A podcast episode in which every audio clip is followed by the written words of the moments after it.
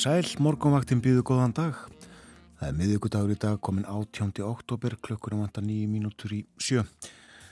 Og hér sitja eins og þölur Gatumbjörn, Þóru, Þórun Elisabeth, við fylgjum ykkur inn í daginn, verðum hér til nýju. Hugum að veðrinu, það er talsvert klýra á landinu nú í morgunsárið, heldur ég var í gerðmorgun, svona upp undir tíu steg að hitti það sem hlýjast er. En kvast nokkuð kvast við það. Við fyrir hringin byrjum í Reykjavík. Nýju steg að hitti höfuborginni klukkan 6 12 metrar á sekundu allskíð svipa viður á Kvanneri 8 steg að hitti og 13 metrar allskíð og enn svipað í stikkisólmi 8 gráður 13 metrar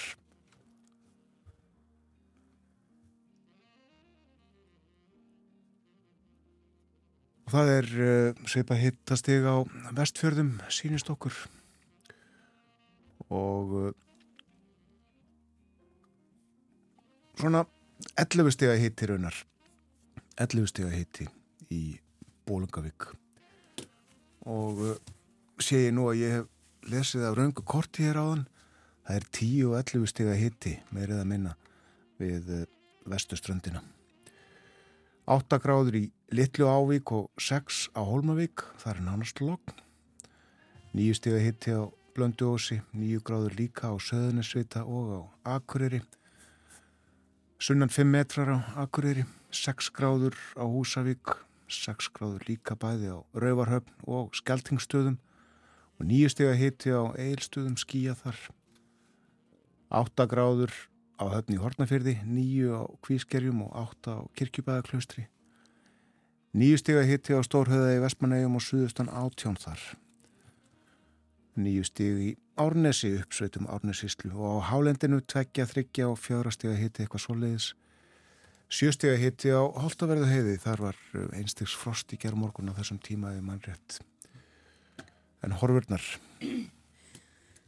Það er Suðustan kvassviðri í kortunum í dag 10 til 20 metrar á sekundu kvassast með suðvestur ströndinni og þar verður líka dálit til væta. Það verður heldur úrkomu minna uh, suðaustanlands. Nei, ásakið, meira. Dálítil væta suðvestan og vestan til en rigning eða súldum landi suðaustanvert bjartara norðan heiða. Í kvöld um, þá bætir í vind á suður og suðvesturlandi. Gular viðvaranir taka þá gildi. Tekur gildi gul viðvörun á Suðurlandi klukkan 8 í kvöld klukkan 10 á, við Faxaflóa og sömulegis klukkan 10 á miðhálendinu.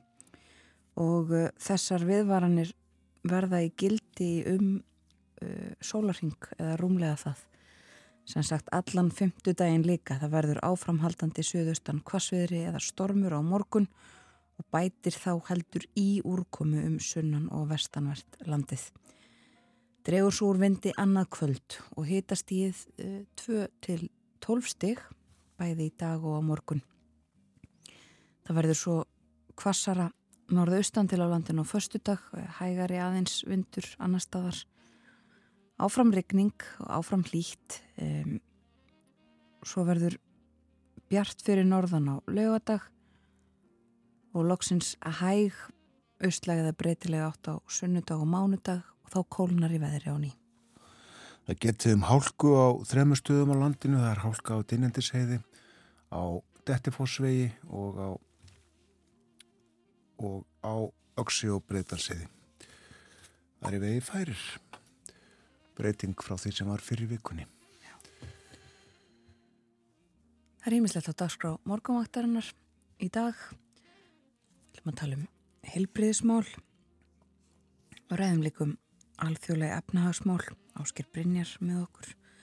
Eins og yðurlega á miðugudagsmórnum og svo ætlum við að velta fyrir okkur lagsveðinni um, meirum það síðar. Við fylgjum slíka með frettum skjálfilegum frettum sem hafa verið að berast í gerðkvöldi og uh, því, uh, því sem að þeim málum fylgir.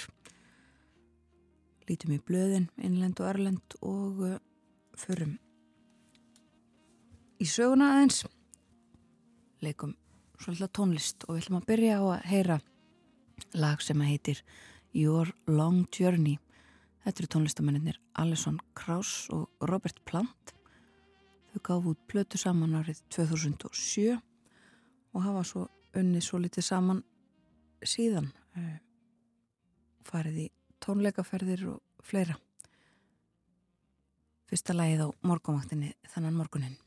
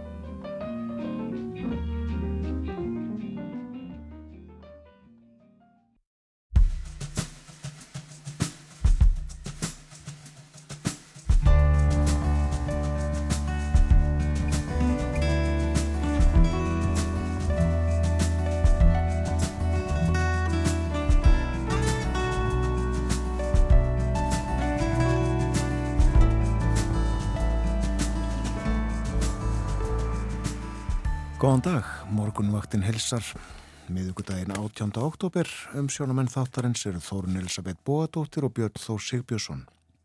Framtíð læknistjónustu á Íslandi verður til umræðu á morgumvaktin í dag. Steinun Þorðardóttir, formadur Læknafélags Íslands, verður með okkur klukkan halv åtta. Hún setur í nýjum starfsópi um málið og ræður við okkur um áskoranir og líka tækifæri í helbriðstjónustunni. Lagsveiði verður til umfjötuna líka en lagsveiðin í sumar var tregari en veiði með nóskuðu. Árnar voru margar hverjar vast litlar og lagsin almennt lítið spendur fyrir að taka. Guðni Guðbergsson hjá Hafrannsóknarstofnun verður hjá okkur klukkan hálf nýju og við spjöllum um ástand og horfur í lagsveðinni og það er nú ímislegt fleira undir en vassmagni ám. Og eftir morgunfrettir klukkan átta spjöllum við um alþjóðleg efnahagsmál. Dreigið hefur úr hagvexti í heiminum og útlitt fyrir að enn drægi úr. Við förum yfir þetta og ímislegt fleira með áskeri Brynjari Torfasinni. Það eru lagðir úr suðri sem að stýra verðinu hjá okkur þessa dagana og uh, verður frekar kvast í dag og bálkvast raunar á suðvestur horni landsins setnipartin og í kvöld og guðlar við, veður viðvaranir bóðaðar til þess að uh, gefi skinn hvað við eigum í vændum. Já, og viðvaranirnar gilda í sólarhinga eða rúmlega það. Veðrið heldur áfram á morgun að vera leðilegt. Suðustan kvassviðrið að stormus og þá bætir í úrkomuna á morgun. Við lítum í blöð og uh, byrjum að þessu sinni út í heimi. Já, uh, byrjum á frettum gerðkvöldsins. Það uh, er, var sprengtur spítali á Gaza í gerðkvöldi, sagt frá þessu í frettum í gerðkvöldi og enn verða reyna að átta sig á því hvað nákvæmlega átti sér stað. Ísraelsk stjórnvöld sem að voru strax sökuðum að hafa fram með þessa árás segjast ekki hafa borðið ábyrð á henni segja sömuleiðis að það þeir hafi sannanir fyrir því að uh, það hafi verið þarna um, sprengjur eldflöga árásir á vegum uh, palestinskra uppreysnamanna sem að uh, hafi orðið orðið til þessa. Þverneita fyrir að, að bera ábyrð uh, Joe Biden bandaríkjafórsiti hefur um, fyrir skipaða bandaríska leini þjónustan og, og yfirvöld rannsæki hvað gerðist þarna. En þjóðarleðtóar og forvís fólk alþjóða að samtaka ímissa hafa fordæmt þessa árás. Katrín Jakobsdóttir fórsetisráþara Íslands uh, þar á meðal. Og það hafa brotist út mótmæli víða vegna þessa máls. Og búist við því að mótmæli færist í aukana í dag fólk hvað til að koma saman við sendir á þú ræðismannaskrifstúr Ísraels víða um heim og og strax uh, verið að bregðast við því. Nú og Joe Biden bandarækjafórseti er á leið til uh, Ísraels. Það var tilkynnt í gerðkvöldi að það væri búið að hætta við fund sem hann átti að eiga svo í Jórdaníu með, með bæði fórseta Palestínu Mahmoud Abbas og uh, leiðtögum Jórdaníu og Egiptalands en uh, nú eins og það er orðað í Breskaríkisútorpinu eh, þá stendur bætin fram með fyrir þeirri já, því þeim vandraðileika að í raun hafi leðtóðar þessara ríkja sagt við hann að það, þeir hafi enga trú á því að hann geti stöðvað ofbeldið á gasa Bandaríkinn gerðu líka skilirði uh, fyrir för bætens til Ísraels að það erði opnað fyrir mannúðar aðstóð inn á gasasvæðið en ég hef ekki séð neynur frettir af því að uh, það hafi gengið eftir enn, það hefði verið að sapnast upp alls konar uh, byrðir á landamæra stöðunni sem að Egiptar stjórna. Síðist á gasasvæðinu en þetta er stórumálið á eh, fjölmörgum fórsýðum blaða og annara fjölmeila í dag fylgjumstu þetta áfram með því hvernig þetta uh, fer. Ímsar uh, ólíkar uh, útgáfur af þessum málum á fórsíðunum eftir, eftir löndum. En það er allavega ljóst að, að alltaf 500 hafa látist uh, í þessari árás á þennan spítala. Og uh, nefna það kannski líka að uh, í sænskum fjölmjölum er fjallað um þetta en líka áfram fjallað um uh, skotarásina í Brussel sem er talin tengjast mögulega kóranbrennum í Svíþjóð og, og því máli öllu saman uh, þegar að uh, byssumæður skaut tvo aðdáðundur sænska knaðspunnilandsliðsins kalla til bana í, í Brussel rétt fyrir leik leðana Belgíu og Svíþjóðar. Þetta er svona stóra, eru stóru málinn í erlendum fjölmjölum, nefnaði kannski líka að því við höfum fylst með stöðumáli í bandarinska þinginu sem skiptir líka máli í alls konar alþjóðamálum, ekki síst líka þegar kemur að fjármögnun e, stuðnings við Úkrænu að uh, Jim Jordan, þingmaður republikana sem er svo eini sem að, uh, var í frambúði til fórsetta fulltrúadeildarinnar uh, hann hlaut ekki brautagengi í fyrstu kostningu um málið í þinginu í gær. Um, ég held að hann hafi lofa því að það verði um, kosið að minnstakosti fjórusunum í viðbútt ef þarf hann hefur verið í mikillir herrferð hann og hans fólk til þess að reyna að koma sjálfum sér í þetta ennbætti. Við fylgjumst sem fyrir segir áfram með eh, erlendum frettum eh, í líka verðað eh, ræða ímis alþjóðamál í Kína svoðum frá því gæra Pútín Rúslandsfórseti var komin til Kína. Og þar fer fram ráðstefna um belti og braud verkefnið reysastóra sem að kínverjar hafa staðið í undan farin ár. Og eh, Putin að lofa þetta verkefni og eh, þeirra eh, ræða saman um, um framtíðina á samt fleiri með þetta þeir eru ekki tveir á þessari ráðstefnu. Fjölmarkir aðrir sem að þarna eru Segjum þetta gott af erlendum fréttum í byli en höldum við þetta áfram að fylgjast með og segja ekkur frá því sem gerist þegar líður á morgunin. Það rættið eh, biskup Agnes E.M. Siguradóttur í morgunblæðinu í dag vegna úrskurðar, úrskurðarnendar þjóðkirkjunar um umbóð biskups til að gegna starfi. Nendi konsta því að eh, umbóð hennar hefði runnið út 1. júli í fyrra. Og Agnes segist hér í samtali við morgunblæðið hafa bref um að hún hafi haft umbóð til starfsins. Þannig að ég get ekki skilið brefið öðru vísi en svo að ég hefði fullt umbóð. Ég veit að það er ekki mat úrskurðanemdarinnar og þess vegna verður að fá nánar í skýringar á þessu, segir hún og uh, áþar við uh, skýringar uh, og niðurstuðu domstóla en hún hefur ákveðið að vísa þessu mál til domstóla. Það er líka sagt frá því á fórsíðu morgunbladsins að í landinu eru 11.700 hótelherbergi og uh, þeim hefur fjölgað úr réttrumlega 6.000 frá árnu 2015. Spruttu hér upp hótelin eins og við vitum. Forsýðu myndin hins vegar tekinn á uh, ferðakaupstefnu sem að nú stendur, samstagsverkefni Íslands, Færeja og Grænlands og uh, fólki í ferðaþjónustu eða seljendum ferða annar staðar aður heiminum bóðið til þess að kynna sér það sem er í bóði í þessum þremur ríkjum og uh, reyna að selja fólki ferðir til Íslands, Færeja og Grænlands. Við sjáum það í dagbók að uh, á þessum degi, 18.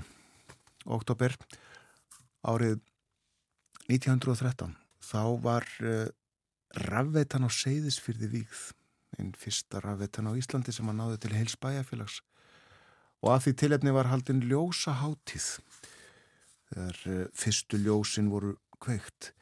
Fánum dögum þá uh, fjallaði austri um uh, málið eða öllu heldur byrti nokkuð ítaleg grein í austra eftir Guðmund Jóð Hlýðdal. Guðmundur var, var rámags já, fræðingur held ég með að segja frekar en jáfnvel rámagsverkfræðingur, ég veit ekki alveg hvað á að segja um það, lærið sín fræði í Þýskalandi og skömmu eftir að laug prófi að þá koma til landsins og stýrði þessu að einhverju leiti þarna í seðisfyrði og hann skrifaði mikla grein í austraða sem hann líst í verkinu. Og ég kveiki hérna lesljós til þess að, til þess að sjá og uh, fyrirsögnin Rafmagsveitan á seðisfyrði fyrsta háspenta breytiströms Rafmagsveitan á Íslandi. Á þeim reynslu grundvelli sem hér fæst mun framvegisverða byggt hér á landi. Krafturinn til ramagsveitu þessarar er tekin úr fjörða á, inni í dalnum, hér um byrj þrjá kílometra inn af kaupstanum. Í ána er byggður upplugur stíblugarður úr stóru grjóti, sementi og möl og myndast við það tjörn einn all mikil ofanvert við gardin, en í gardinum sjálfum eru tvö hlið með sterkum lokum í sem hæglega má hleypa upp og niður með útbúnaði sem til þessa gjörður. Sé lokonum skoti niður eins og öllu jafnaði á sér stað, fellur vatnið fram yfir gardin og myndar breyðan og fallegan foss.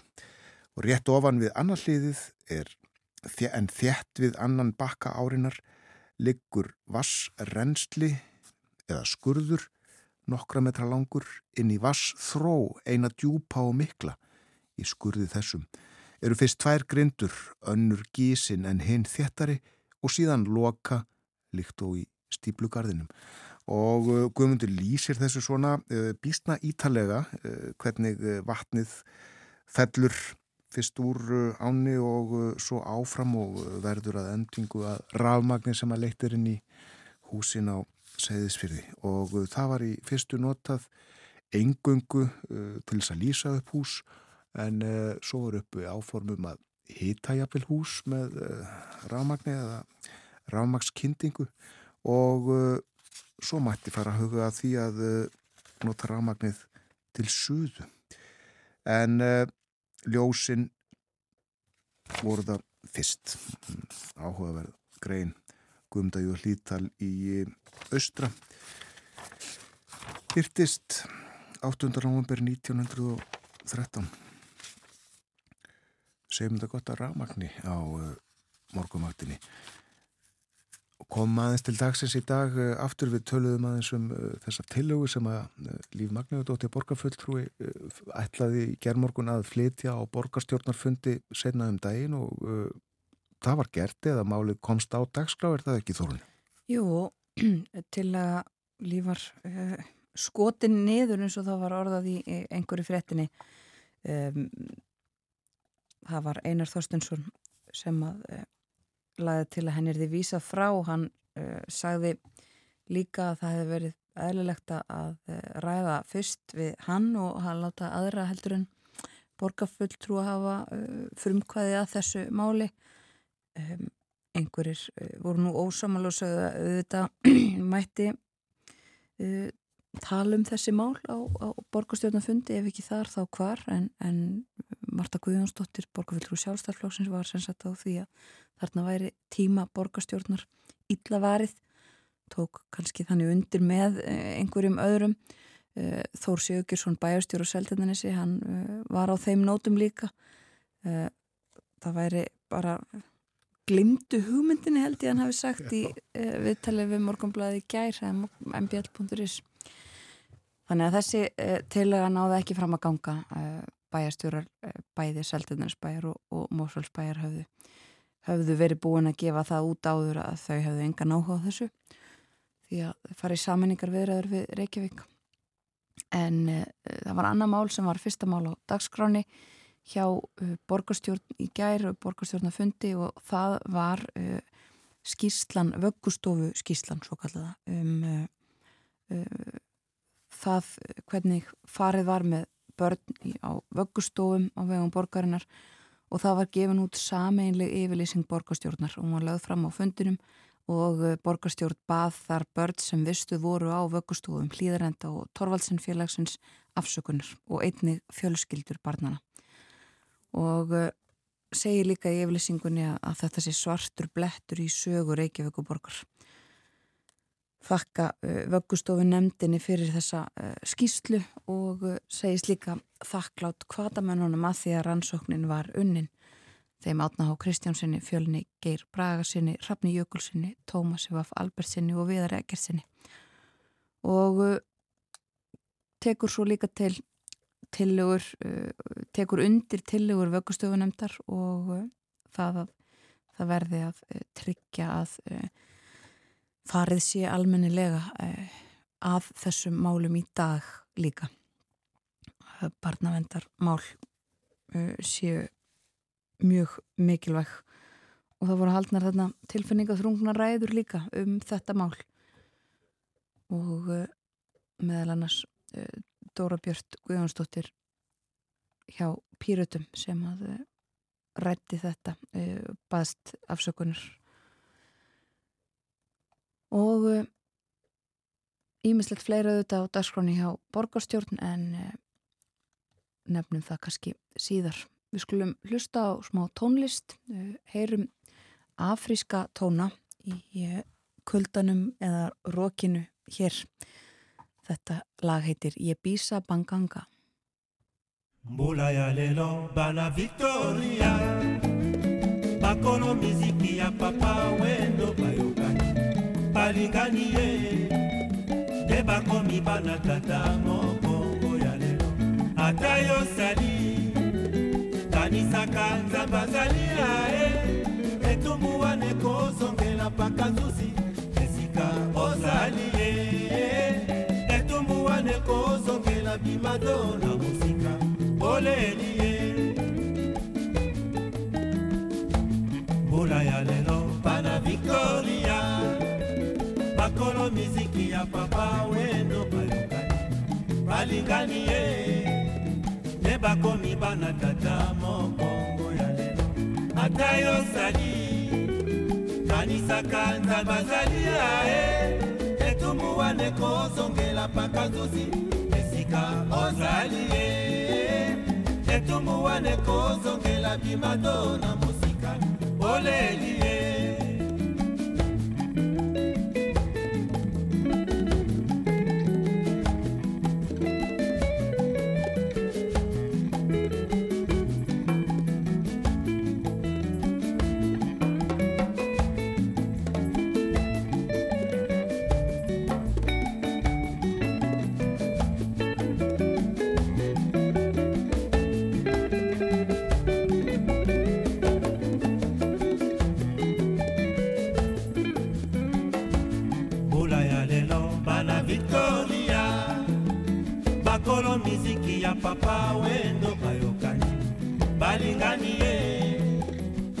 nde bakomi bana tata mokongo ya lelo. Ata yosali kanisaka nzambe azali ya ye etumbu wana ekozongela mpaka zuzi esika ozali ye. Etumbu wana ekozongela bimado na mosika oleli ye. Etumbu wana ekozongela mpaka zuzi esika ozali ye etumbuwane kozongela bimado na mosika. Oleliye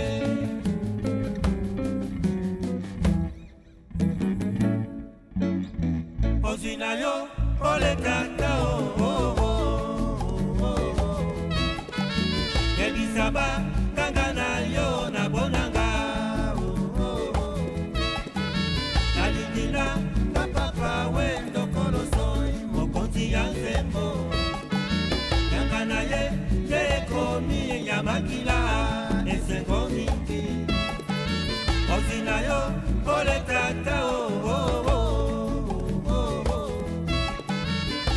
kaba kanga na yo oh oh. na ka victori ya kobina lalu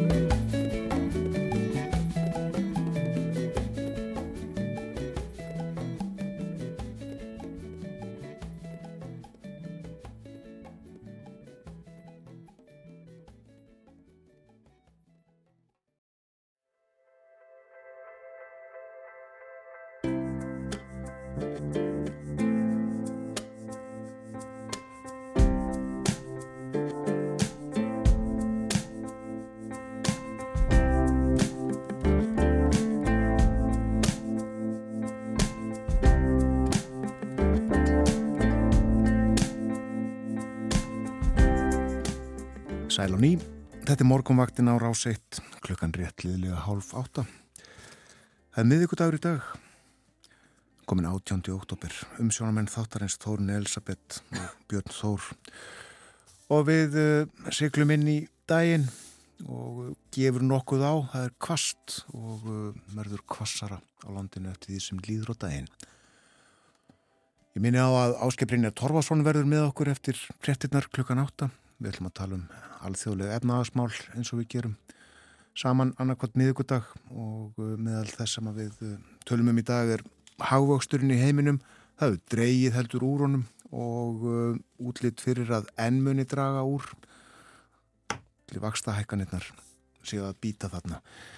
Tölum líka um Nobelsvelunin í hagfræði sem raunar voru hér á dagskrá í síðustu viku en það er ímislegt um þau að segja nokkuð lung saga og uh, margt gengið á í gegnum árinu og ára tíuna. Svo verður hér klukkan hálf nýju Guðinni Guðbergsson, sviðstjóri Feskvats og eldis sviðs Hafranssonarstofnar. Við ætlum að tala um uh, lagsviði og lagsa lagseldi, lúsaeitur, núðlags og ég veit ekki hvað og hvað. En uh, nú er annað á dagskrá. Já, framtíð læknistjónustu á Íslandi er á dagskráni næstu mínúturnar. Það hefur verið skipaður starfshópur um það mál.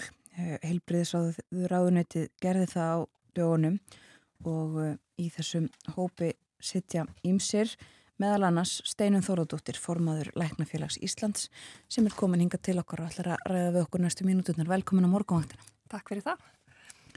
Segð okkur uh, fyrst bara frá þessum, þessum hópi framtíð læknustjónustu á Íslandi, hvað á hann að gera, hvað, hvað stendur til?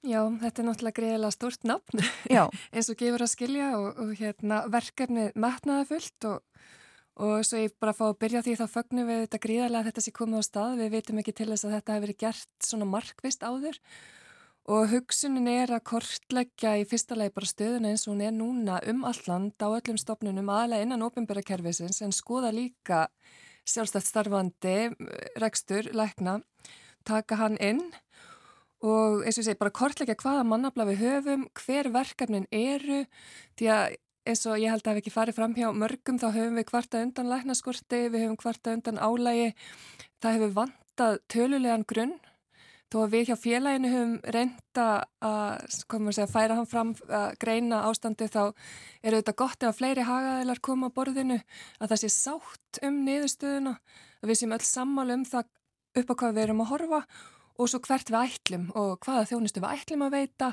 hver á að veitana, hvar á að veitana og svo framvegs. Mm. Þetta hefur í rauninni, eins og ég segi, aldrei verið gert áður og maður kann að klóra sér í kollinum yfir því af því þetta er náttúrulega greiðilega mikilvæg þjónusta fyrir alla landsmenn og það við séum í myrkri gagvart núverandi stöðu hvað þá hvert við stefnum eru þetta ósettanlegt. Þannig að þetta er gríðarlega, þetta er rauninni tímamót að mínumati að við ætlum að setjast neyru og gera þetta. Já, Um, einmitt eins og segir maður kann að klóra sér í kollinum yfir því að þetta sé ekki til. Er þess ekki til bara tölur yfir það hversu margir læknar eru starfandi hvar þeir eru starfandi og, og, og þetta?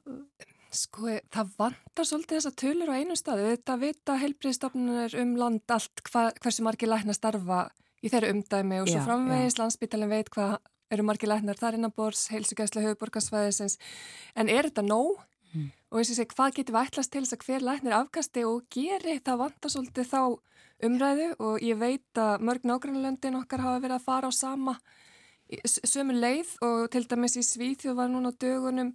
Í rauninni bara sáttum þá skilgreiningu að hérna, heimilisleiknir ætti að sinna hámarki 1100 íbúum til þess að ná að gera það vel. Já. Við erum, okkur vantar öll svona viðmið, þannig að sjá, við þurfum líka bara að ná sáttum það hvað getum við ætlast til af starfsfólkinu og ef að álæðið er of mikið og verkefnin of mörg og, og læknar of fáir, hvað er það sem við getum skorið uh, utan af þjónustunni? Er eitthvað sem má missa sín? Og það er hellingur og sóknarfærum þar uh, sjáum við strax. Já, og uh, sko hvernig er tímaramin á þessu? Hvenar ætli þið að, uh, er vinnan farin á stað og, og hvenar ætli þið að skila af ykkur? Sko vinnan fór á stað núna á haustmánuðum þannig að hún er komin á stað bara rétt að byrja reyndar mm -hmm. og við sjáum fyrir okkur að skila af okkur ykkur svona, komur að segja, grunnskistlu eða hérna ykkur svona áfangaskyslu um áramót Já. og svo aftur næsta vor þá ættu að vera að koma með meira kjöt á beinin og við erum að reyna að vinna þetta hratt vegna sem við áttum okkur á því að ástandið er mjög alvarlegt víða sérstaklega á landsbyðinni mm. og við verðum bara að fara að sjá mjög markvissar aðgerir til að breyðast við því og Já. það þúlir ekkert frekar uppi þannig að hópurinnum er meðvitað um það þessi vinna þarf að ganga hratt og það, hún þarf að vera í fókus Já. Og ef við spyrjum bara svolítið stórt einmitt, sko þetta, þessi hópur er uh, settur saman í rauninni að kröfu læknar það ekki, uh, frumkvæði þeirra. Uh, hverju, sko hvað vonist þið til að sjá, sjá að breytist, er það bara svona heilt yfir með þetta um, álægið og, og, og, og þessar þætti sem þú hefur nefnt? Já, ég, það er náttúrulega, eins og ég segi, verkefni er mjög stort, þannig að það er mjög margt sem við vonumst til að breytist Svo, maður nefni einhvað þá hérna, þarf þetta að setja inn eitthvað skona, það þarf að kortleggja eins og ég segi landsbyðina, við höfum miklu ágjör á henni, e, það þarf að setja inn kvata e, fyrir lækna til þess að hérna, taka að sér störfa á landsbyðinu, þarf að setja inn þar nýjar lausnir, ég menna það hefur verið talað um fjárheilbriðistjónustu meðal annars, auðvitað er það ákveðin lausn, Það er samt alltaf, eins og maður segir, gullstandardin að fá að hitta lækninsinn auðvitað til auðvitis. Ég held að flestir vilji það hafa læknin á staðnum. En við þurfum samt að hugsa kreatíft hvernig ætlum við að sinna öllu landinu sómasamlega, hvernig ætlum við að koma sérgjörna þjónustunni líka út um allar byggðir landsins Þannig að það er þetta, bara hvernig gerum við að verkum? Við fáum lækni í þessi störf, hvernig höldum við læknum, læknunum okkar aðstörfum, hvernig náum við sérfræði læknum erlendis frá, við erum með stóran hóp, við erum með mörg hundru íslenskar lækna erlendis mm -hmm. uh, sem að hafa ekki komið heim, af hverju er það, hvað getum við bóðið því fólki? Og svo framvegs, við sjáum til dæmis á Suðurlandinu hefur gengið vel undanfarið að laða að sér lækna sem hafa verið mjög lengi erlendis, mjög reynda, færa, flotta sérfræðilækna. Þannig við þurfum að horfa á svoleiðis líka fyrirmyndir, hvernig fóru þau að því, geta fleiri farið þá leið.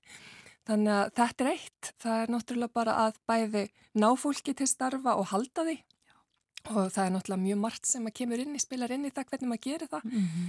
En Og svo náttúrulega eins og ég segi, bara bæta starfsungferfið heilt yfir þannig að við séum að sinna okkar kjarna þjónustu, bara þjónustu við sjúklinga, læknistjónustu, því að störflækna hafa orðið ansi illa skilgrend með tímanum.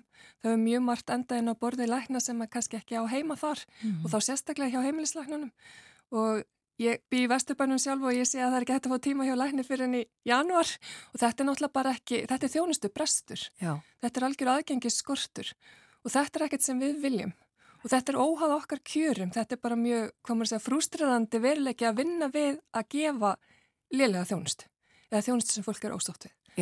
Og, og við viljum það ekki, við viljum að fólk hafa aðgangað okkur og okkar þekkingu, að við séum ekki að eða dögunum í pappirsvinnu sem að mögulega geti verið annar staðar og svo framvegs. Einmitt. Já, aðeins aftur að uh, landsbyðinni mitt. Þú nefnir það að þú skrifaði grein í nýjasta læknablaðið um, um þennan hóp og, og svona uh, framtíðina mm. uh, þar sem þú segir að það sé bara útlitt fyrir að verði læknislaus héruð á landinu, bara á næstunni mm. Og þetta auðvitað hefur með mitt heyrt í umræðinni en þannig að staðan er þannig, er þetta víða þannig að það er útlitt fyrir þetta? Já, það staðan er alvarlega víða. Við höfum verið að taka púlsin á landsbyðinni núna félagið undanfarið og við getum talað til dæmis um Viki Myrdal og þaðan er sendt mjög stóru svæði, e, stórum hluta Suðurlandsins. Við getum talað um Tröllaskagan, við getum talað um Vestfyrði, Vestmannegar. Það eru margi staðir. Snæfellsnesið hefur verið mannaða verktakaleknum mjög lengi og bara að þeim algjörlega ólöstuðum, þau vinna náttúrulega gríðalega gott starf og, og bjarga málum.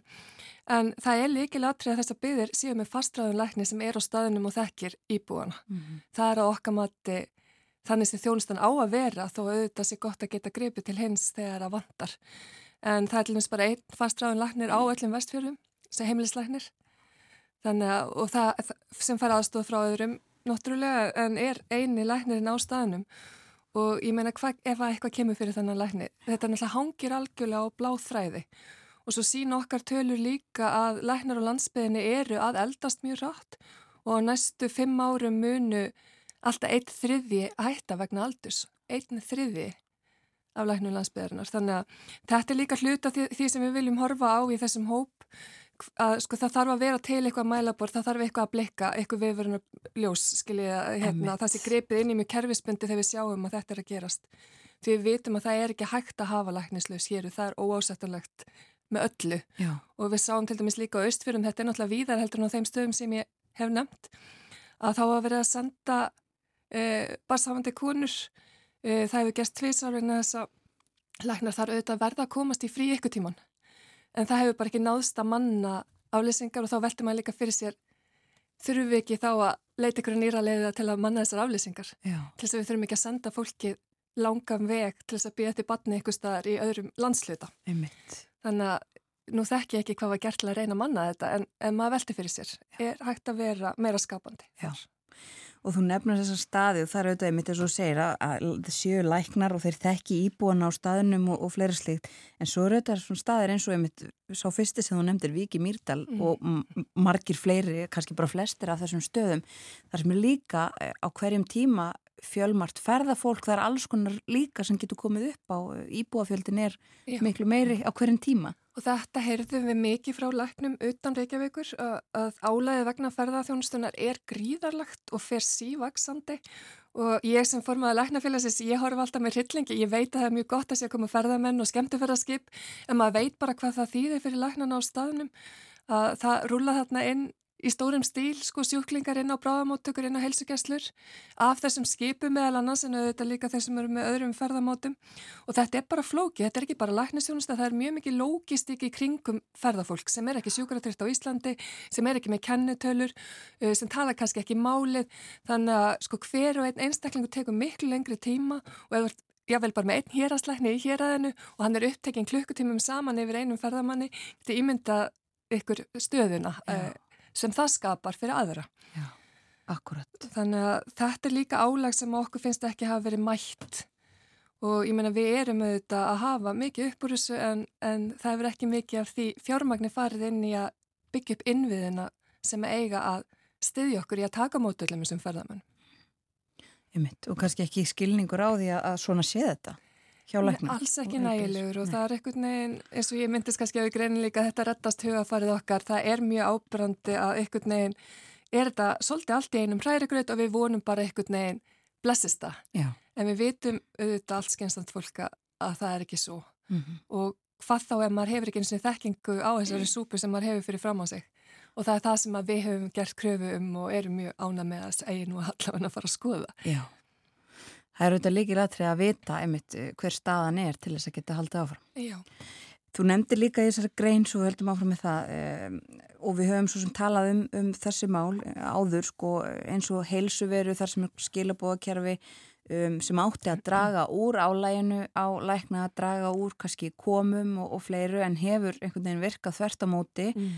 Um, ég man eftir umræða líka í heilsugjastluleiknum um vottorð og mm. tíman sem þau taka frá um, er margt svona í kerfinu sem að læknar eru að verja miklum tími í, pappirsvinnu og eitthvað annað en sjúklingana svona beint. Það er gríðalega margt svona og þetta hefur kannski vaksið með þetta svolítið stjórnlust og það er líka það sem við viljum ná böndum yfir eins og ef þú minnist á vottorð e, tryggingafélög geta í rauninni bara sem eru enga fyrirtæki geta búið til sín einn vottorð, vil upp á margar blaðsýður eða tíu blaðsýðina og varpa þeim svo í fangi á heimlisleikni sem á að taka þetta allt saman, þetta tekur marga klukkutíma. Mm. og það er einhvern veginn bara svolítið svona opinn tjekki á það hvað er hægt að ætlast til af ofinbæra heilbreyðskerfinu og sérstaklega heimlisleiknum sem er eins og hliðverðir fyrir allt og ekkert, fyrir félagslega kerfið, fyrir ímsa fjárhags aðstóð og svo framvegs og svo framvegs hafa líka hverta mikið undan skóla og vinnuveitenda vottorðum fyrir stutt veikendi, þannig að við erum að nota heimilisleikna hvað maður að segja, mjög óígrundaðan hátt og þetta er aldrei stjórnleysi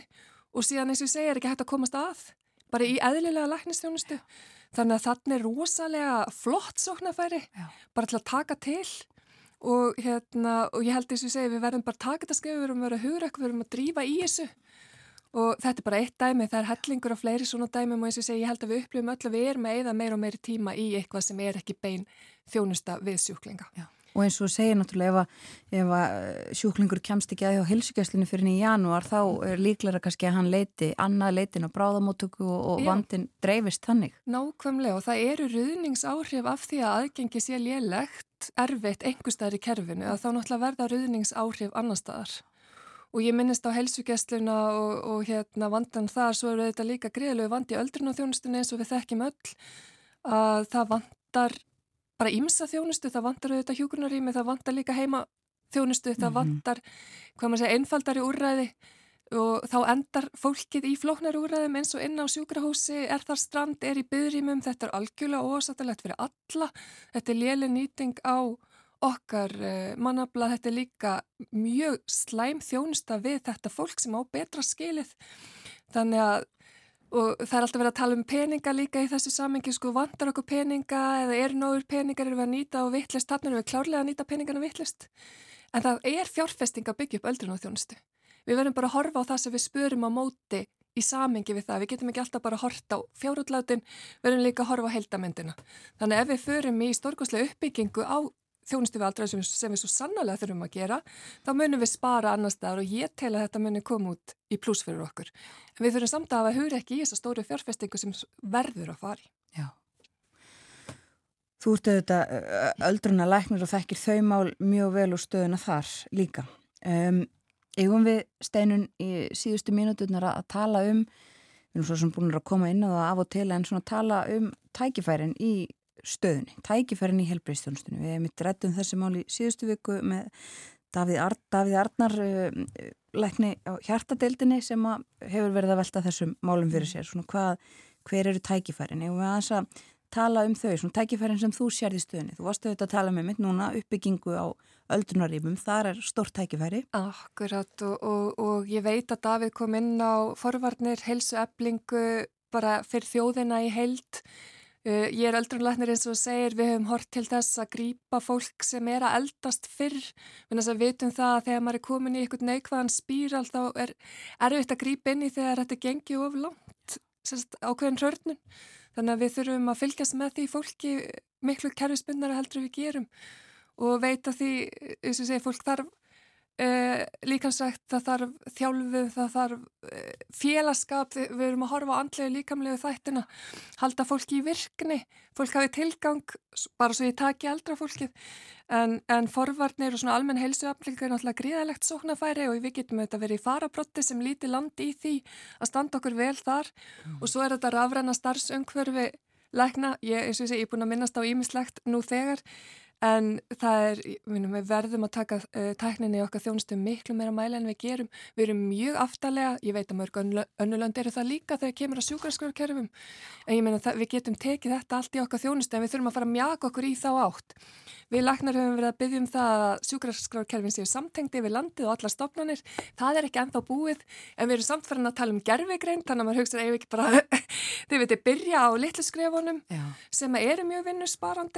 Þannig að það er alls konar hlutur að þetta strömlínulega okkar vinnu mjög mikið, það er hægt að létta mikið undir með okkur en það þarf átakt til þess, það gerst ekki að sjálfu sér.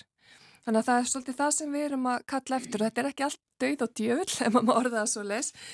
Ég heyr á dönum að þeir eru svolítið komin í þangað, þeir eru farnir að velta fyrir sér hvað læknar er að hætta að gera, hvaða læknistjónustu, þjónusta verður bara ekkert í búði í framtíðinni Við viljum ekki fara þangað, við viljum skoða allar aðra lausnir fyrst, Já. en bara svo ég nefni dæmum umræðin í löndunum í kringum okkur. Og þeir eru samt með fleiri lækna per höðutölu en við. Þeir telja sér bara ekki muni geta veitt sambarlega þjónust í framtíðinu eins og þeir gera í dag. Já. Þannig að þetta er aðkallandi.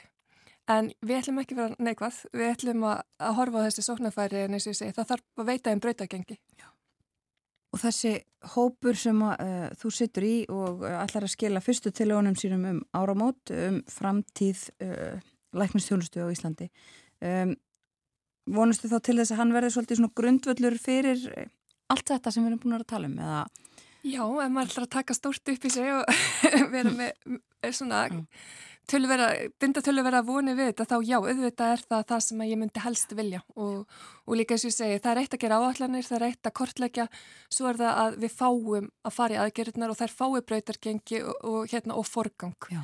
Það er nummer 1, 2 og 3 og það er það sem við verðum að sjá gerast og það að mínum að þetta bara verður að gerast svo við, eins og ég segi, endum ekki umræðið eins og danir eru, að við þurfum bara að hætta að veita ákveðnum hópum ykkur ákveðnum, ég meina það er náttúrulega bara að mínum að þetta ákveði skipbrot. Já, hvað eru þeir að tala um að hætta að gera? Já, þeir eru til dæmis eins og varðandi aldraða, draga meir í land þar, segjum, það er eitt dæmi. Ver ekki að fara alla leið með alla, alla meðferð í, yfir ákveðin aldur. Já. Og ég meina þetta er bara mjög óhugnalegt að mínum þið og ég hef svo sem ekki heyrt neina formaðar hugmyndir um nákvæmlega hvað en þeir hafa svolítið sett nefnir fótinn og segja í núverandi kerfi getum við bara ekki, við verðum bara ákveða hvað er það sem við ætlum ekki að gera. Við viljum ekki fara þangað. Nei og eins og ég segi við þurfum þess ekki, það er fullt af hlutum sem við getum gert betur en þá þurfum við líka að fara að gera það. Takk fyrir að koma til okkur á morgunvaktina og ræða þessi mál Steinum Þórodóttir, formaður Læknafélags Íslands. Takk sem við les.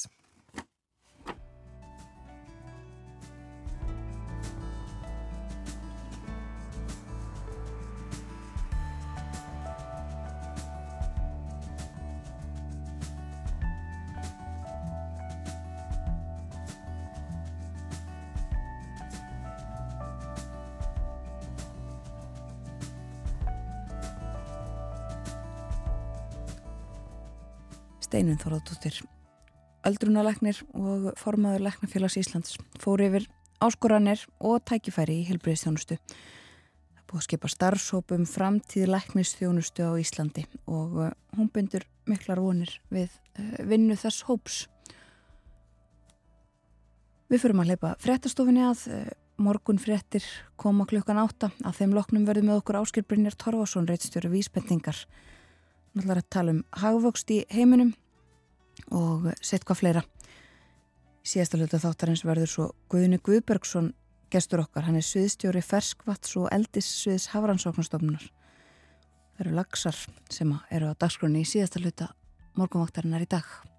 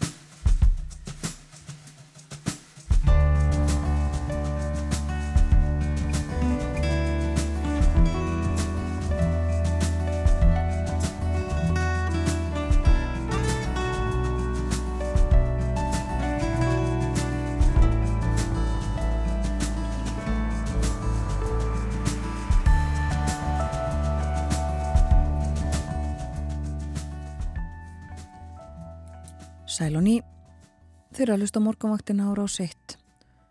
Morgun fréttinnar að baki klukkan tæpar 6 minútur gengin í nýju og það er miðugudagur í dag, 18. oktober. Hjá okkur fyrir fréttinnar var Steinun Þorðardóttir, læknir, formadur læknafélagsins. Töluðum um framtíð læknistjónustu á Íslandi, áskoranir og tækifæri í helbriðstjónustunni. Fórum viða, um, hún nefndi meðal annars fjölmarkastadi þar sem að útlitir fyrir að engin læknir verði starfandi á næstu árum. Ekki gott. Alls ekki gott.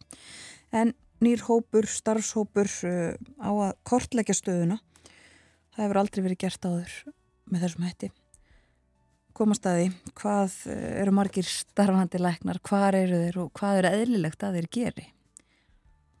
Við fylgjumst áfram með þessu og sjáum þegar að tilugur líta dagsins ljós, það verður vonandi um áramót, saði Steinun. Hér er búin hálf nýju verði hjá okkur Guðni Guðbergsson hjá Hafrannsóknarstofninu. Við ætlum að tala um uh, lagsveiði, lagsveiði árnar ástandið þeim í sumar, svo litið um lagseldi og ímislegt uh, fleira. En nú er komin til okkar í þáttin áskiprinjar Torfason, rittstjóri vísbendingar. Við ætlum að fjalla um Erlend efna, efnahagsmál hér næstu mínútur. Góðan dag og velkomin. Góðan daginn.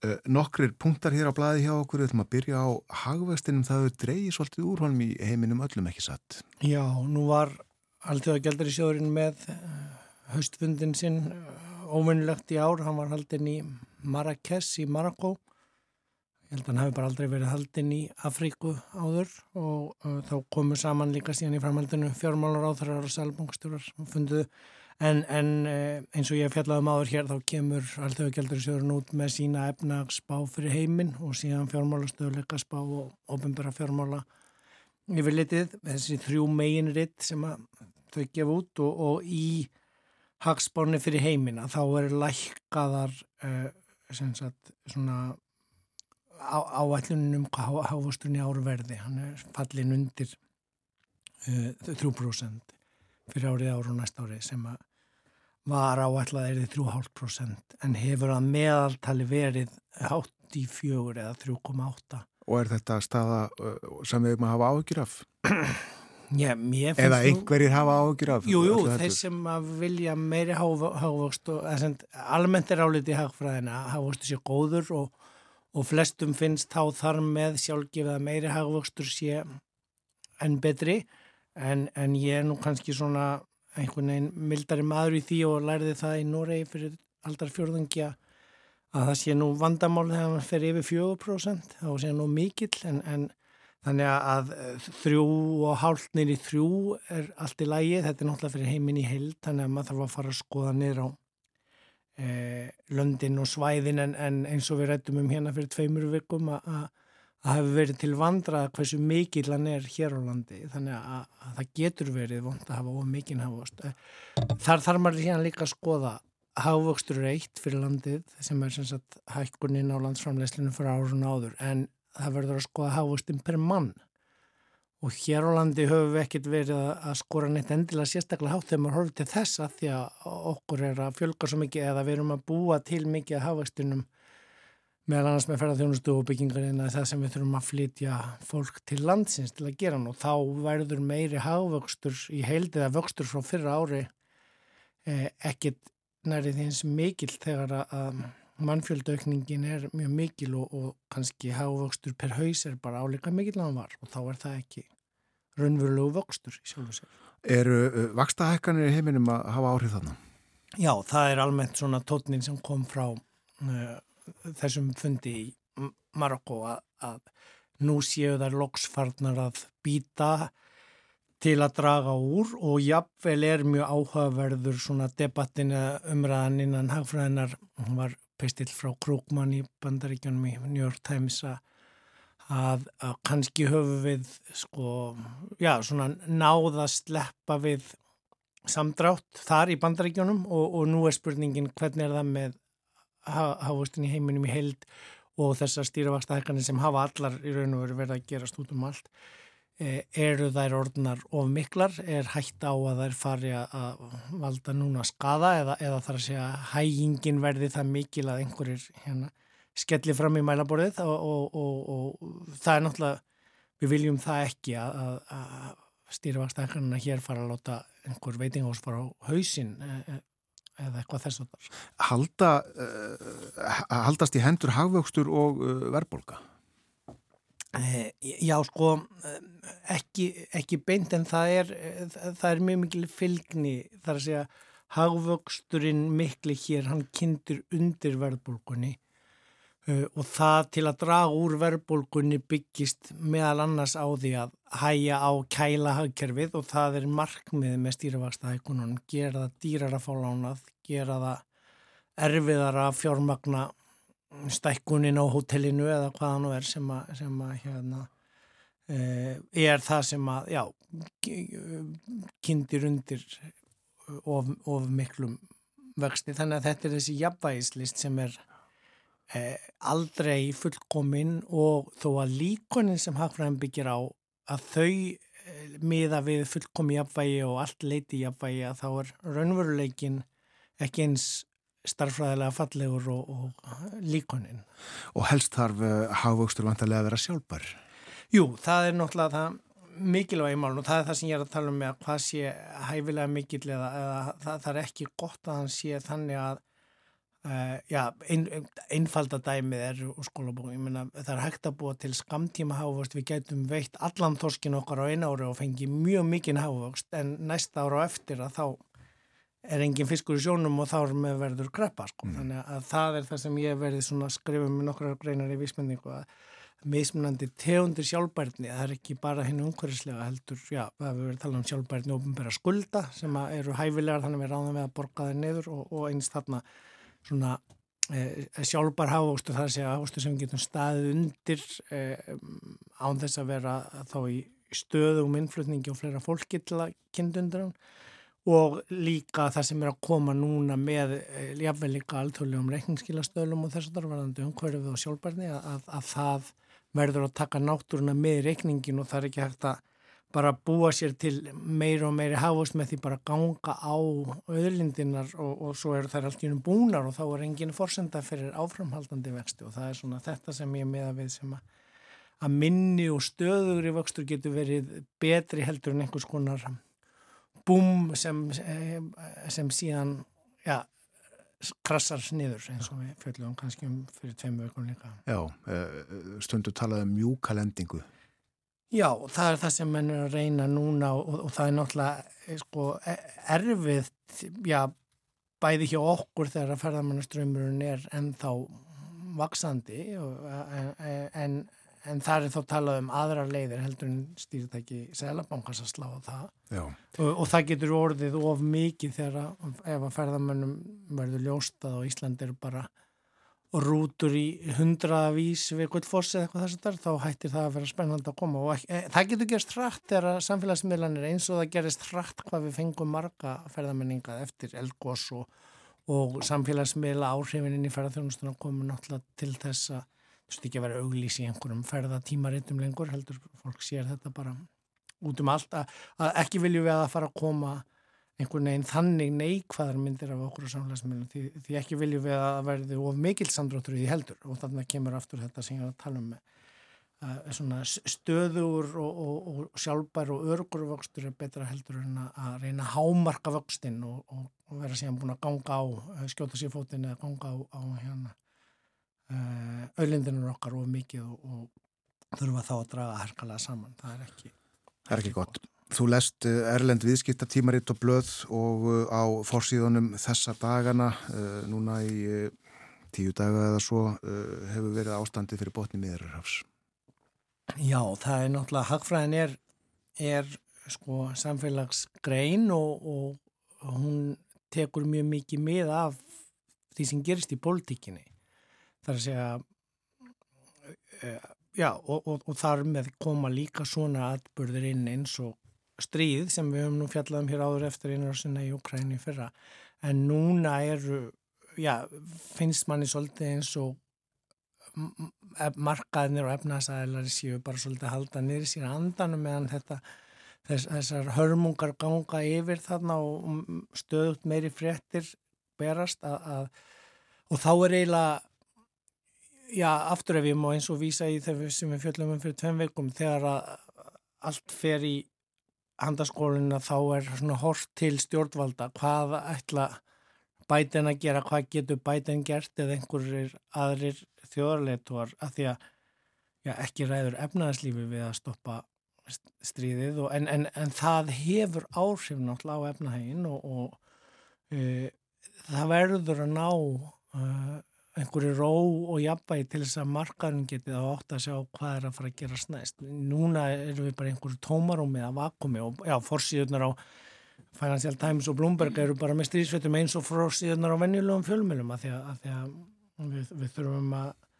vita hvernig þetta mun geta uh, stöðvast og, og enda áður en það er hægt að fara að tala um hvaða áhrif mun það hafa á orkuverð, það er náttúrulega stór oljuríkið hann í nágræninu uh, og uh, oljuverði er í kringu 90 dólara en þá núna þannig að það er ekki, það er ekki bein áhrif eins og varð þegar Úkræna uh, gerðist en það var frétt í Financial Times í morgunum að Evrópski Sælabankin er með fundi að þennum setni vikunni sem er verið að tala mjög mikið um að það verði líklega hægt að hækka eins og gerðist í okkur fyrir tveim vikum en, en þar eru það svona haugarnir og dúfurnar eh, og það, menn, menn með það svo að, að, að tótnin í haugunum er farin að vera mildari og hluta til er það út af því að afleðingar af svona átökum, þetta er náttúrulega ekkit langt, þetta er hinnum með við meira hafið, þetta er ekkit langt frá þannig að uh, flóta með þaðan koma náttúrulega inn í ríkinsist í Evrópu og orkuverð áhrifin líka og, og fleira þannig að en, en óháð því að það var nú alveg byrjað að koma sá tótt ef, ef við horfum fram hjá uh, stríshörmungunum að, að nú væri loksfarði að sjást að hækkaninnar væri farnar að býta hægja á kæla og, og, og nú væri hægt að fara hugaði að stoppa þær og, og síðan kannski þá já, næsta ári að, að fara að byrja hugað hvort hægt verði að lækka þær ef að allt uh, fer eftir sem já, menn sjá eða vona. Hér í síðustu viku, svo við vikjum að öðru, var fjallaðum Klátíu Góldin, hagfræðing og hann tafa Nobel-svelurnana í hagfræði ár. Við rættum við Hertisi Stengriðsdóttur hagfræðing í Kaupanuhaf. Já, sem sittur um þetta í sem ytri aðil í peningastefnum Sælabankars okkar. Akkurat, við hefum gert í eitt og hálft ára eða mann rétt uh, þar um bil og en uh, bæði Herdís og, og Kláttíá og, og Runa Katrín Ólafsdóttir líka uh, þær eru allar hagfræðingar með vinnumarkaðin sem sitt sérsvið. Já og, og Katrín Ólafs skrifaði mitt grein í vísbendingu í síðustu viku um, um Kláttíu og hún var í peningastefnumnefndinni ástand með Gilva Soka en, en hérna um, ég, eh, ég held að þetta sé, það er náttúrulega alltaf spennandi hver fær velunin, hvort sem eins og í bókmyndunum eh, eh, eða í hagfræðinni að, að, að það er hins vegar svona, já, stundum óvænt og stundum sem hefur bein áhrifin í það sem er að gerast. Og ég man einna helst eftir svo leist þegar til dæmis Krúkmann fekk þau 2008, ég var að tala um það hérna síðast í okkur þá nýbú að gerast þetta stóra hrun. Þetta er tilkynnt alltaf í oktober svo eru verðinni aðfendi í desember. Þetta er svona hef, hef, hefðin í, í dagatalinu í Svíþjóð.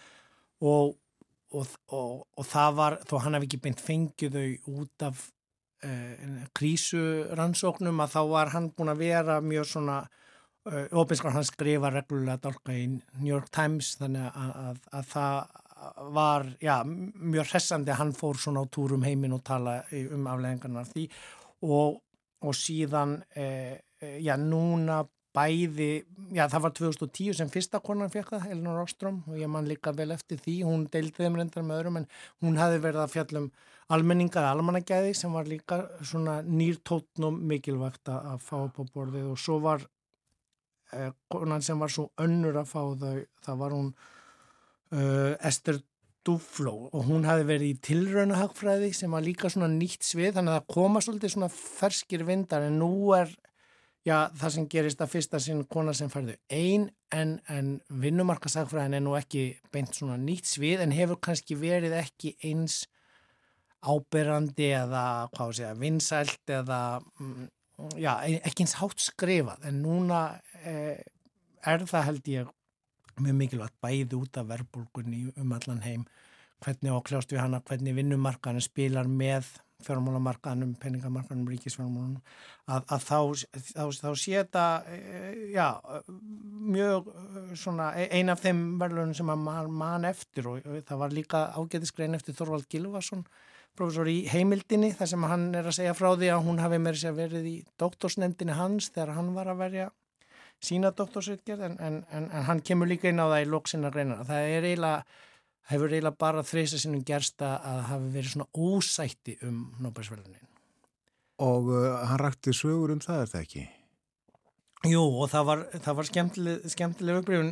Fyrsta er nú þegar Hayek og Myrdal fenguðu saman, Gunnar Myrdal sænski og, og Hayek svona já, aðal æðsti prestur eða, eða hérna Páfi nýfrálsíkjunar Eh, en, en síðan var það þegar Merton og Sjúls fenguði 97, mér rámar í það því ég var í hagfræðinni í grunnámi í háskóla 99 eh, þeir fenguði fyrir þess að svo kallu Black-Sjóls eh, formúluna sem reiknar út verð á afliðum en, en, en það sem að kannski menn vil ekki að tala mjög mikið um í hagfræðinni er að Merton og Sjúls voru í stjórn eh, sjóðs eh, sem LTCM Long Term Capital Management eh, sem að krassaði ídlilega og fór á hausin og var eh, um tíma svona eitt af stærri gældrútum sjónar og var síðan grunnurinn að, að hérna, spari sér á krísunni rétt fyrir aldamótin í bandaríkjónum þannig að þeirra verðlaun uh, já, urðu svolítið svona, það slettist svolítið á þau uh, en, en síðan var það í, í raun og voru þegar Frídmann fekk þau sem var líka gaggrinn og það er nú hann sem er svona Já, hvað maður sé að höfundurinn á bakvið peningamagskenninguna sem er nú eina af grunnkenningunum í, í hækkun vakstana. Hvað var uh, gagnum vört við, við uh, það að Frídmann lituðu? Já, hann var nú, já, svona í, framhald af hæg, svona mikil talsmaður uh, frelsisins á, á mörgum og að þetta, láta þetta afskipt löst og eiginlega frægasta greina sem var reyndaskrifu í New York Times líka fyrir um 50 árum, þar sem hann held í fram að eina samfélagslega ábyrð fyrirtækja væri að hámarka hagnað. Uh, og þetta hefur nú verið kent allavega erlendist þannig sem svona dæmum hvernig já, hægt er að fara of lánt en, en uh, mér verðist að, að full margir í viðskiptalífinu hérlendis kannski trú enn á þetta. Það er að segja að, að, að það sé bara markmið fyrirtækin hámarka hagnað og ekkert annað. En, en það hefur nú, já, hvort sem við tökum Eh, long term capital management gældróti fyrir aldamót Enron gældrótið sem var nú lengi vel í, í, í topplistan með það stærsta um aldamótin 2001 eða þá Lehmann sem við fjöldum um síðast 2008 eða ég get haldið áfram að tellja upp listan þar sem við sjáum fram á að, að sko of mikil hagnaðarsókn einblýning á bara hámörkun hagnaðar og ekkert annað eh, leiðir ekki til góðsrekstrar alveg eins og ég var að tala með biljunum með sjálfbæran háast þar að segja að það er ekki Voru ekki íslensku bankarnir fram að hrunir reknir eftir þessari formúlu? Jú, jú, og, og, og geta alveg talist fram til ef þú seldir hlutabriðin 2007 þá getur þú að hafa hámarkað alveg mjög vel eh, afraksturinn en, en það var ekki svona gott korki fyrir heldina þjóðarhagi eða þeirra sem sátt uppi með, með bref eh, haustið 2008 Settu punkti hér, þakkaði fyrir að vera með okkur á morgunvaktinni í dag Áskiprinnar Torvarsson Áskipreinar rittstýrir vísbendingu. Klukkan er alveg að verða hálf nýju, vantar fimm minútur í. Fáum frétta eflitt hálf nýju og eftir það þá ætlum við að tala um uh, lags, lagsveðar og ímislegt fleira. Lagseldi, lagsalús og uh, kannski hnúðlags. Við sjáum, sjáum hvernig tíminn endist. Uh, það er vona á Guðna Guðbergsinni frá Hafanarsóknarstofnum til okkur í þáttinu. Thank you.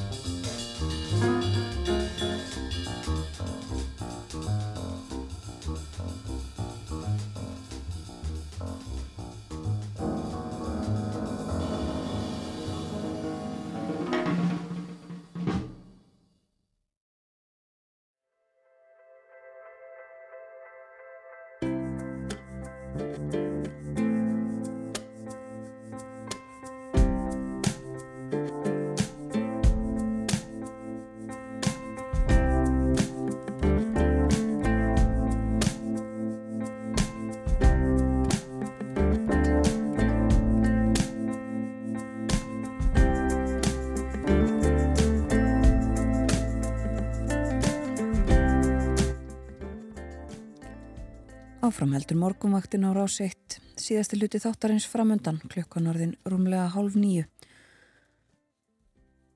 Og eh, við lítum stöðlega til veðurs. Í dag verður suðaustan kvassviðri á landinu með dálítilli vætu suðvestan og vestan til, en það verður heldur úrkomi meira suðaustanlands. Heldur hægari vindur og bjartviðri norðan heiða. Í kvöld bætir í vind á suður og suðvesturlandi og gular viðvaranir taka gildi. Það er taka gildi eh, á bylinu 8 til 10 í kvöld og gilda í um það byl sólaring, kvassviðri eða stormur í kortunum. Og já, eh, sem þýðir að það verður áframhaldandi kvassviðri eða stormur á morgun og bætir þá í úrkomuna um sunnan og vestanvert landið. Það dregur svo úr vindi annað kvöld. Hittin í dag og á morgun á bylinu 2 til 12 stygg og það verður fremur lít áfram dagana þar á eftir en tekur að kóluna í næstu ykkur. Hörmungasumar í lagsveðinni saði í morgunblæðinu í gær í fyrirsögn yfir viðtali við Sigur Hjeðin, leðsugumann og flugun nýtara.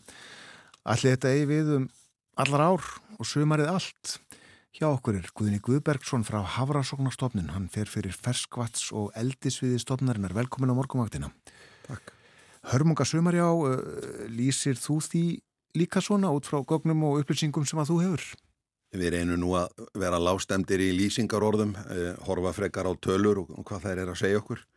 En eh, ef við horfum á bráðabyrðatölur sem við erum komin með yfir veiðina á landinu núna í, í sömar að eh, þá er þetta sennilega næst minnst að skráða veiði sem við höfum séð núna í setni tíð að það var aðeins minna árið 2019 Eh, reyndar eh, ef við horfum á landið í heilsinni, það er nú bara Ísland ennú einlega þannig að eh, það er svona ætti kannski að tilhera tveimur loftslagsbeltum, það er svo ólík ólíkt veðu fara á norður og Norðurlandi og Söðurlandi eh, sem að líka kemur inn í lífsferla hjá, eh, hjá eh, lagsfiskum en að því ég nefndi 2019 og þá er einlega hluti af því hvernig ástandið er núna rekja til 2019 og 2019 má svo líka rekja til þess sem að var sko 2014 og 2012 og þá komum við inn í lífsferilinn því að e, laxinn náttúrulega er með sinn lífsferil bæði í e, fersku vatni þar sem hann regnir og eldst upp í 2-5 eh, ár áður en hann gengur til sjávar er þar í 1 eða 2 ár og kemur síðan tilbaka. Þannig að það eru 5-7 ár í, í, í, sem að tekur að, að ljúka lífsverðlinum þannig að e, það voru óvenju, við höfum í gegnum tíðina séð svona um það byrj 10 ára sveiblu í lagsveiði sem að tengist e, bara e, ringar á sinni í Allansafi e, það eh, eins og það komu ár þarna 2012 og 2014 sem voru afar frábröðin með lítilli fiskjengt eh, og eh, afkomendur hrigningarinn að sérstaklega 2014 eh, voru síðan þeir sem átt að ganga inn í ár sérstaklega hér á Vesturlandi 2019 eh, þannig að hrigningarstofnin þá var lítill ofan í kaupi þá fengum við lárenslís ár mikið og þegar að vatn verður lítið í ánum að þá er e, að, að, að, þá dregst rauninni botflöturinn saman og þá voru mjög mikil afföll á segðum, sérstaklega á Vesturlandi e, 2019 og það er einmitt árgangurinn sem að á að vera, sem að átt að koma núna í sömur, þannig að það er ekkert að rekja þetta svona saman. Já, þannig að sko ástandi í hafinu 2012 hefur áhrif á lagsveiði 2023. Já, í raun. Já, Já 2012 og 2014 og, og, og, líka ef við horfum á þurkasumari sem kom síðan 2019 og svo fingum við aftur þurkasumar núna og það er nú yfirleitt þannig að þó það sé eins og núna regnir og það er aldrei mikið vatnað, e, það hefur miklu minni áhrif, fiskar druknekkert Þeir, eh, eh, þeim líkar það ekkert mjög illa og það hefur heldur ekki slæm áhrif á yfirleitt á, á botnin en eh, lárensli og þurkar það eru miklu alveglegri yfir sumartímar, það eru miklu alveglegri atbyrðir. Já, en uh, veiði núna, já og 2019 var hún miklu minni en meðaltöl síðustu ára? Hún er svona 30% undir meðaltali. Það, við erum að horfa á, sko meðaltalið er einhver staðar í kringum uh, 41-42 þúsund lagsar. Við erum að sjá núna, hún er, uh, bráðabyrðatölur er að sína okkur einhver staðar í kringum 32 þúsund. Uh, 32 þúsund lagsa en þegar við erum að horfa á veiðitölur sem mæli hvarð á stopnstærðir sem er vel hægt að gera vegna þess að það í ám þar sem við erum með fiskteljara þá sjáum við að það eru sterk tengsla millir veiðitalnana og síðan göngunar. Það sem að hins vegar er að gerast núna í setni tíð er að menn eru að veið og sleppa í, í, í mörgum ám bara meiri hlutanum með jafnvel öllu sem veiðist og það þýðir það að hluti af þessum fiskum eru að veiðast oftar heldur en einu sinni.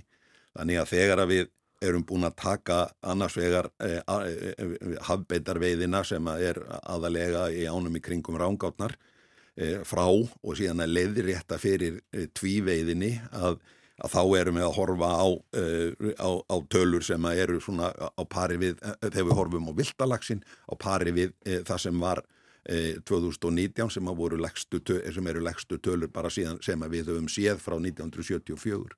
Og hvað voru það margi fiskar? Það er, það er í kringum 19.500 viltir fiskar með leiðiréttingu sem er með einhver í skekkju í, í, í útrekningum þannig en, en svona námundun. Já. Ég hef aldrei veitt lags og er ekki alveg heima í þessum heimi en er það alveg ljóst að lags sem að sleftir mun hann spjara sig? Þær rannsóknir sem eru til eh, að þær eru að sína okkur það að ef að vassiti er, eh, er undir svona 18-19 gráðum og sírustig vassins er yfir svona 6,4 þá er það að veið og sleppa hefur afar lítil eh, litla dánatölu í för með sér.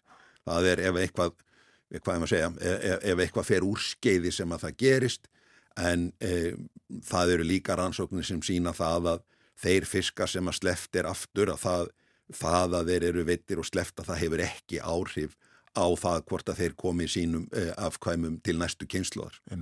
Þú nefndir að e, já, landið er stórt og e, í kannski tveimur veður beltum er svo má segja, var ástandið einhver staða gott? Það er ming mingun í öllu, frá fyrra ári er mingun í, samdráttur í veiði í öllum landslutum nefn á Norðurlandi Eistra að, eh, sem er þá eh, frá Eyjafyrði og, eh, og, og, og norður fyrir eða austur fyrir Þistilfjörð. Þannig að þær ári eru og það var að hluta til það sem að var svo sem fyrir sér því að það eru tengsla milli smálagsa gengdar eitt árið og síðan stórlagsagengdar árið og eftir og uh, árnar á, á norðausturlandi stóðu upp úr í, á síðasta árið með smálagsagengdan eða það var búist við eða við sáum það að það væri von á betri stórlagsagöngum þetta árið sem að, sem að var síðan reyndin. Já.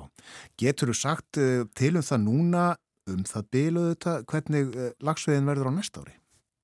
Eh, við höfum eh, nokkra mæli hvarða til að skoða það, við fylgjumst með eh, náttúrulega stærðin á hreikningastofnunum, segða þjettleikanum í ánum, þannig að það eru til mæli hvarðar í all mörgum ám, hvað við eigum von á mörgum gönguseiðum að ganga til sjávar eða hvað voru mörg sem gengur til sjávar núna síðasta voru og síðan hvernig tíðarfarið var á þeim tíma sem þau voru að ganga E, síðan hvernig að e, sjórin tekur við og hvernig lífskiliðin eru þar. Og þar höfum við mælikvarða og getum hort til e, fiskur gengur e, vitt í sjónum þannig að það er e, ekki auðvelt að finna hvar hann í rauninni er.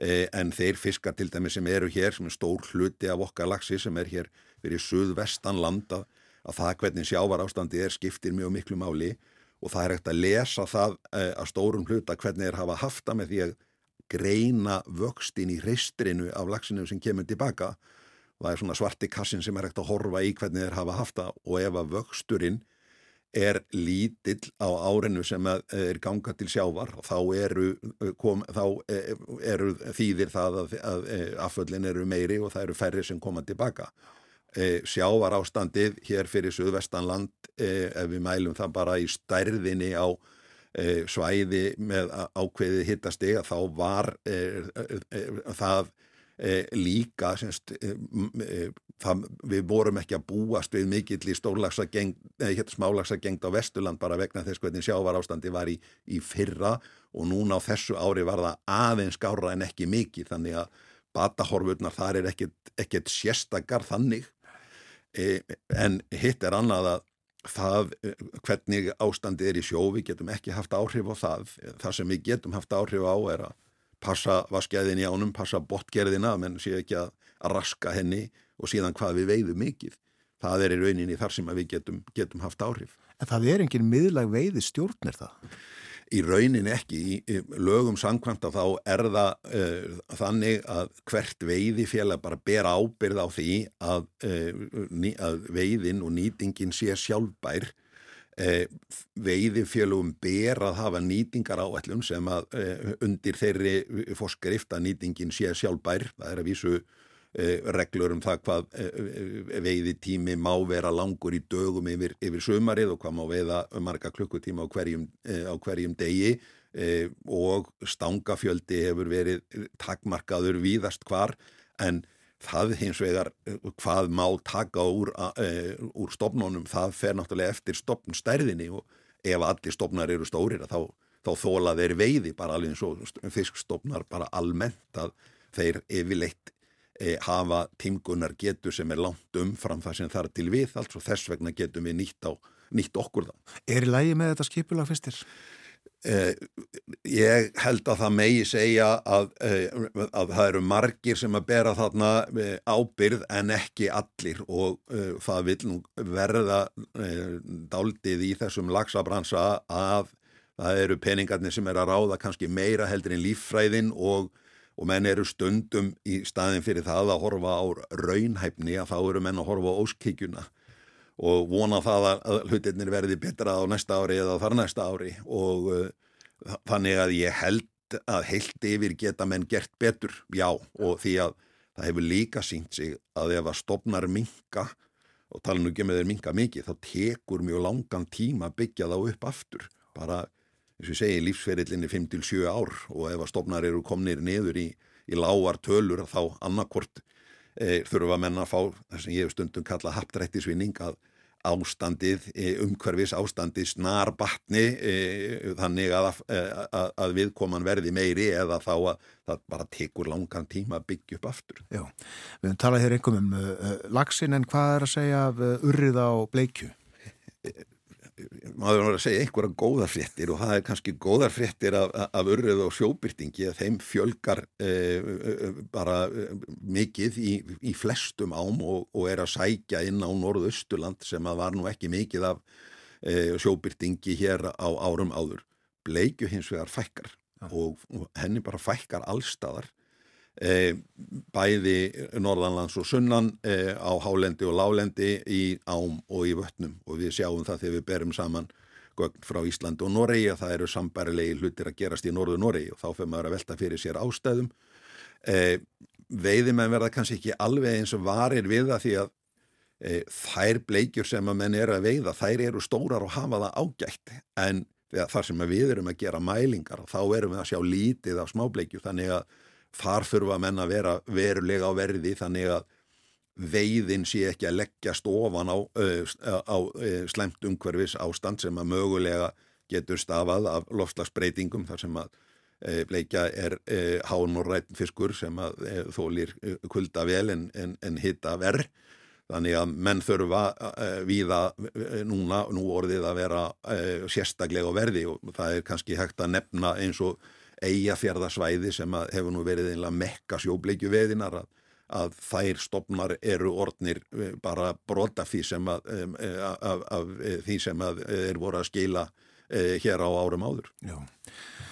Uh, já, uh, lítil veiðiði til þess að gera uh, lagsveiði í sumar en það er nú ekki kannski stærsta áhyggjöfni lagsveiði fólks það eru sleppingarnar, eh, strókin úr eh, kvíunum á vestfjörðum. Já, e, það hefur verið að valda e, e, áhyggjumanna og, og, og, og við höfum líka fengið heilmikla vinnu í kringum það að, að taka við fiskum og koma í greiningu til þess að vita uppbrunnan á þeim og fjöldan útbreysluna og slíkt. Þetta getur samt svolítið tengst saman því að ef að e, viltir stopnar eru litlir að þá eru þeir viðkvæmari fyrir eins og einblöndun á, á erðaefni. Þannig að til dæmis eins og í Noregi hafa með, þeirra, þá reynslu er af fiskaldi sem er mun lengri heldur en okkar að þar hafa menn bæði verið að leggja áherslu á það að bæta búnað og passa betur upp og fiska í kvíum en líka styrkja vilt að stopna þannig að þeir standi betur til þess að taka við því áreiti sem að þeir eru að fá e, e, frá eldinu. Þannig að, að fíleitinu tengist það og það er ekki e, að það að e, fá e, svona atbyrð eins og við höfum verið að horfa á núna þegar að stopnar eru viðkvæmir að þá, þá er það þá er það verra heldur en þegar að e, stofnar eru stærri og standa sterkari fyrir. Já, uh, það var sagt í það ekki bara fullirt að í, það væri í fyrsta lagi ekki hægt að strjúka á kvíunum og, og svo í öðru lagi að þá væri þetta geltfiskar. Eh, ég held að það hafi nú kannski ekki verið talað um að, að, að það væri geltfiskar, það er verið að vinna að, að því, það eru mist okkurst í þrjú teimi heiminum sem eru að vinna því að reyna að koma í vekk fyrir að, að laxar verði kynþróska þannig að það vandamál verði úr sögunni e, það er ekki komið ennþá og, og, og kannski kemur til með að taka einhver tíma til viðbótar áður eldri en að það verður áður en að það raungerist. E, hins vegar er það alveg rétt að e, það sem að ræður kynþróska hjá fiskum er þegar að þeir fara að eru búinir að ná sinni stærð að þá er það, þá e, nema þeir í rauninni daglengdina þannig að þeir svo sem vita eða skinni að það hvenar höstið er að koma þannig að, þannig að þeir e, eru þá tilbúinir að fara í, í, í kynþróska til, e, til þess að fjölga sér e, til þess að e, draga úr, úr þessu e, og kannski að koma í vekk fyrir það líka að þá hafa verið höfð ljós í kvíum þannig að fiskarnir sem er í kvíunum að þeir ginni ekki munin í daglendinni. Plata þá. Og nákvæmlega og og, og með því er hægt að, að, að draga úr kynfróska þannig að allavega e, nú er ekki öll kurl komandi gravar varðandi þetta strók sem að, e, varð e, núna síðast. En e, því það er ennþá í skoðun en það er allavega eitt af því sem að menni eru að skoða hvort að einmitt þessi ljósastýring hafi verið að klikka og það hafi verið ástæðan fyrir því að þetta stór hluti af þeim lagsi sem þarna var, var kynþróska og svo náttúrulega hafa þeir sína eðliskvöld til þess að leita upp í ferskvatn og, uh, og, og fjölga sér. Ég ætlaði þetta að segja ókynþróska en ekki geldingar, rugglaðist þarna. En uh, þið eruð hjá Haraldsmannstofnun að uppfæra áhættumatið.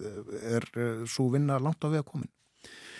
Það er, eh, það er verið að vinna í, í áhættumatið í sjálfu sér er, er, er í rauninni íslensk smíð. Eh, það hafði ekki verið gert annar staðar þó svo að aðrir sé að horfa til þess eh, núna bæði í Kanada og, og Noregi að beita sambærilegum aðferðum.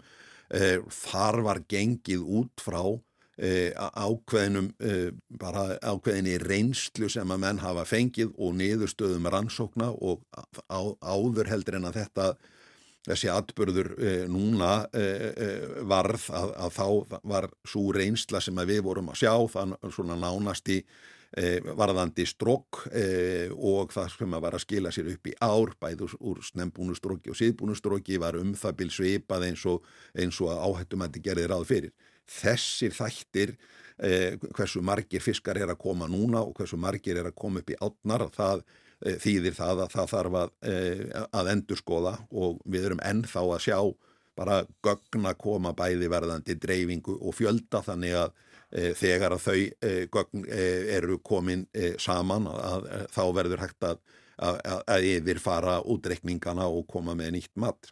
Og eru uh, eigendur og stjórnendur uh, lagsaldirsfyrirtækina samanifúsir?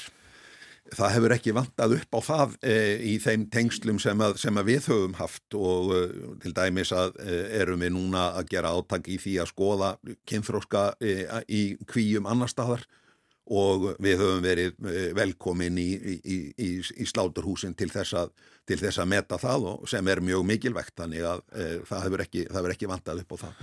Nefnum líka að e, matfælar á þeirra hefur bóðað svona öðruvísu umgjörðu utanum e, þessa starfsemi alla en þá eftir að fjalla um hann á pólitíska vettvangunum. Nákvæmlega.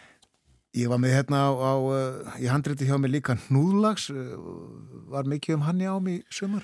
Núðlagsa gengt fer vaksandi, já, það var kannski ekki eins mikið af honum eins og, eins og hérna við áttum kannski eða óttum skulum við segja, Eh, hann er hér að ná aukafestu eh, og honum er að fjölga ekki eins mikið kannski eins og, í, eins og menn hafa verið að sjá í Noregi þar sem að, að þeir hafa verið að veiðan upp í sko hundruðum þúsunda eh, til þess að komi vekk fyrir það að hann fari upp í ár eh, en við eigum alveg vona á því að það komi til með að gerast sambærileg þróun hér ef framferð sem horfir eh, vonandi ekki í, í, í sama stíl eins og menn er að sjá í Noregi en, en ég held að það sé tegund nokkuð ljóst að það er tegund sem er komin til að vera.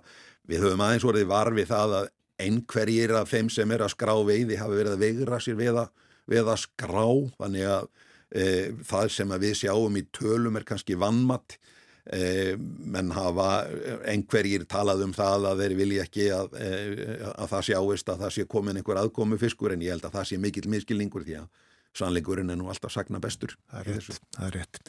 Og uh, svo þurfum við líka aðeins að tala um uh, laxalúsina sem er nú er verið að uh, eitra fyrir eða að, að heimila allavega eitrun fyrir, það getur ekki verið gott fyrir umhverfið. Það er náttúrulega að þegar að uh, það eru komni svona margir fiskar í, í, í kvíjar í fjörðum og, og hausarnir eru í, í sko miljónum talið að Eh, að þá er það bara þannig að þar sem er lagsa, þar er, þar kemur lús. E, það er vissulega rétt að það hefur orðið mikil fjölgun á lús núna e, upp á síðkastið og mun meira heldur en, heldur en að e, allavega sumir gerður ráð fyrir maður bjóst við því að það myndi koma lús. Maður bjóst líka við því að þau liv sem eru til til þess að haldinni niður í að þau myndu dög okkur lengur heldur en raumber vittni, e, það kom, hefur komið í ljós í Noregi að lúsin er mjög skæði í að mynda ónæmi gagvart þessum livjum, e, það tók einhver 5-7 ári í Noregi þannig að menn höfðu þá allavega þessi lifi sínu verkværa, e, í sínu verkværa bóksi til, til þess að e, eiga við lúsina. E, en það virðist vera hér að, að ónæmið fyrir livjum bara eftir örfá ár er farið að koma á og það er allavega kenningar um það að lúsin sem er hér sé bara sama, sama tóð eins og í Noregi, fiskarnir hittast út í sjó og dreifingin að lúsinni sé þannig að við séum bara fá hinga líka lús sem að er, sem að er e, með ónæmi en þetta er svo sem ekki búið að, þetta eru bara kenningar sem að menna eru með og um kannski ekki alveg sannaf Nei. en e, vissulega er það það að, að það er áreiti fyrir umhverfið að, að þurfa að meðhundla með, með livjum því að livin eru sérhæft til þess að hafa áhrif á á, á krabbadýr sem eru með skell og það eru náttúrulega aðrar lífverur í þessum fjörðum okkar sem eru líka með skell að, og, og það eru nýttjastofnar þannig að það er verið að reyna eins og mögulegt er að halda þessum livjaböðunum e, og livjagjöfum í lámarki og matvælastofnun og, og, og fyrstjóðdóma nefnd hefur haft það sem markmið. En á móti kemur að ef að það er mikið af, af lús í, kvíum þá náttúrulega bæði hefur það áhrif á þrif fiskana í kvíunum hefur áhrif á, á þess vegna afföllera og söluverðmæti. En það getur líka verið uppspretta lús sem að sesta á, á, á viltalags og það er það sem að menn er að sjá í mjög miklu mæli í Norri við erum hins vegar ekki með einn á okkar svæðum þar sem er mest af, af lags að ganga til sjávar það eru, það er ekki margar kvíjar enn sem komið er allavega og þau svæði eru lokuð en, en e, þetta er einn ein, ein af þeim hættum sem að, að lagsinum stafar. Þakkaði fyrir að vera hér á morgunvaktinni í dag, Guðni Guðbergsson. Takk. Var hér í e, árlegu spjalli um e, lagsveiðina og ástandið í ánum og hafinu líka og e, svona líkur morgunvaktinni í dag. Við þakkum samfélgina. Þennan morgun verðum hér aftur í fyrramálið. Verðið sæl.